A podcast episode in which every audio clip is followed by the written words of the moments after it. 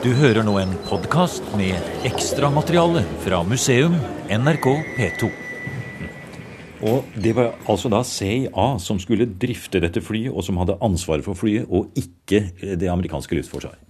Ja, det stemmer. Det var CIA som fikk oppdraget også å drifte dette her. Men de var avhengig av flyvere fra eh, Luftforsvaret i USA. Og flere innen Luftforsvaret i USA følte at dette var eh, litt på kant. De ville gjerne ha dette oppdraget selv.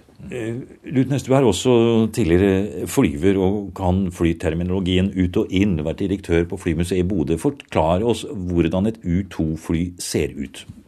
Et U-2-fly, For det første så var U-2 mens det var i Norge, det var svartmalt. Veldig mørkt malt og hadde ingen kjennetegn.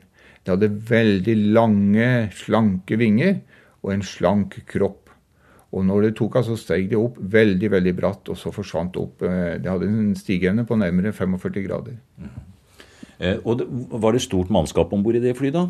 Det var ene og alene én pilot med det nødvendige enten elektronisk utstyr eller kamerautstyr. Én mm. enkelt person? En enkelt person. Mm.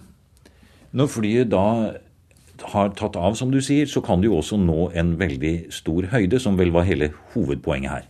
Ja, Hovedpoenget var å fly så høyt at ingen kunne røre med flyet. Og når du har snakket med Jeg har møtt og truffet flere av disse U-2-flyene som fløy i denne perioden.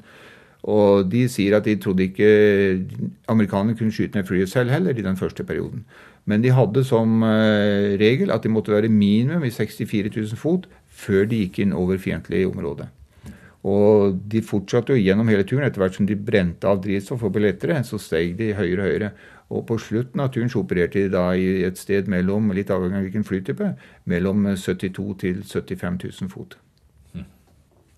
Det er jo veldig høyt. Det er jo, altså Bare for å sammenligne det, hva flyr et vanlig eh, transatlantisk passasjerfly i?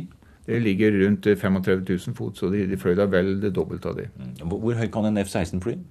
Nei, F-16 kan eh, ved å akselerere opp i optimal høyde ta, kan du si, gå, nest, gå opp i 70 000 fot, men den faller jo ned igjen med en gang. Mm. Nettopp. Mens da U2 kunne holde seg lenge oppe på denne ekstreme høyden. Ja, de, de fløy ofte over ti timers, eh, opp i ti timers turer på, på det her, og det var jo nokså ensomt å sitte der oppe. Og de kunne kun manøvrere flyet veldig forsiktig. Maksimum ti graders krengning. For over det så ville den ytre vingen gå for fort, og møte såkalt makkbuffeting.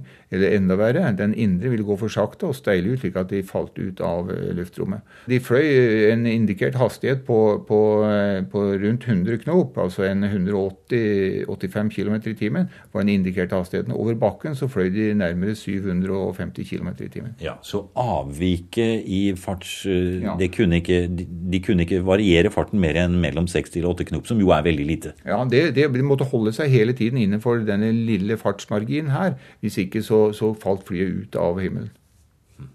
Ja, Når en flyver sier å falle ut av himmelen, så betyr det at flyet steiler opp og rett og slett kommer i spinn og styrter, da? Ja, det kommer i spinn ukontrollert. og eh, det var forbudt å spinne U2 fordi det var så bygget så skjørt. Strukturen tålte veldig lite fysisk belastning. Et vanlig jagerfly tåler en belastning på 9-10 G. Dette kunne tålte kun 2,5 G. Og det var for å gjøre det så lett som overhodet mulig.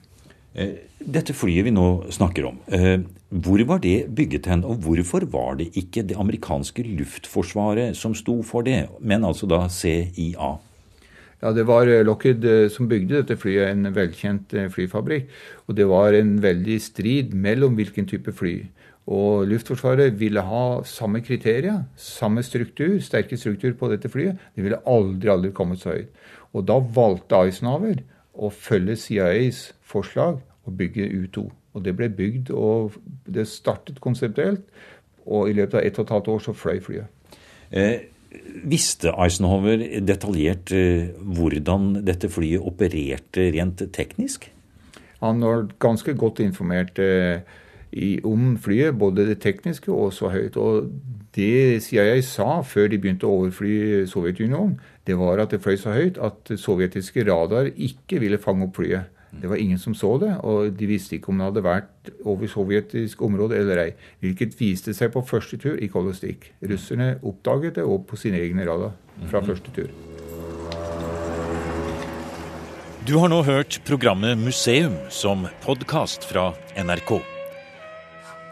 Museum sendes i NRK P2 på lørdager klokken 16.03 og søndager klokken 08.03. Hvis du vil, kan du abonnere på Museum podkast i iTunes. Jeg vil gjerne ha dine synspunkter på programmet. Send kommentarer eller tips til museum.krøllalfa.nrk.no.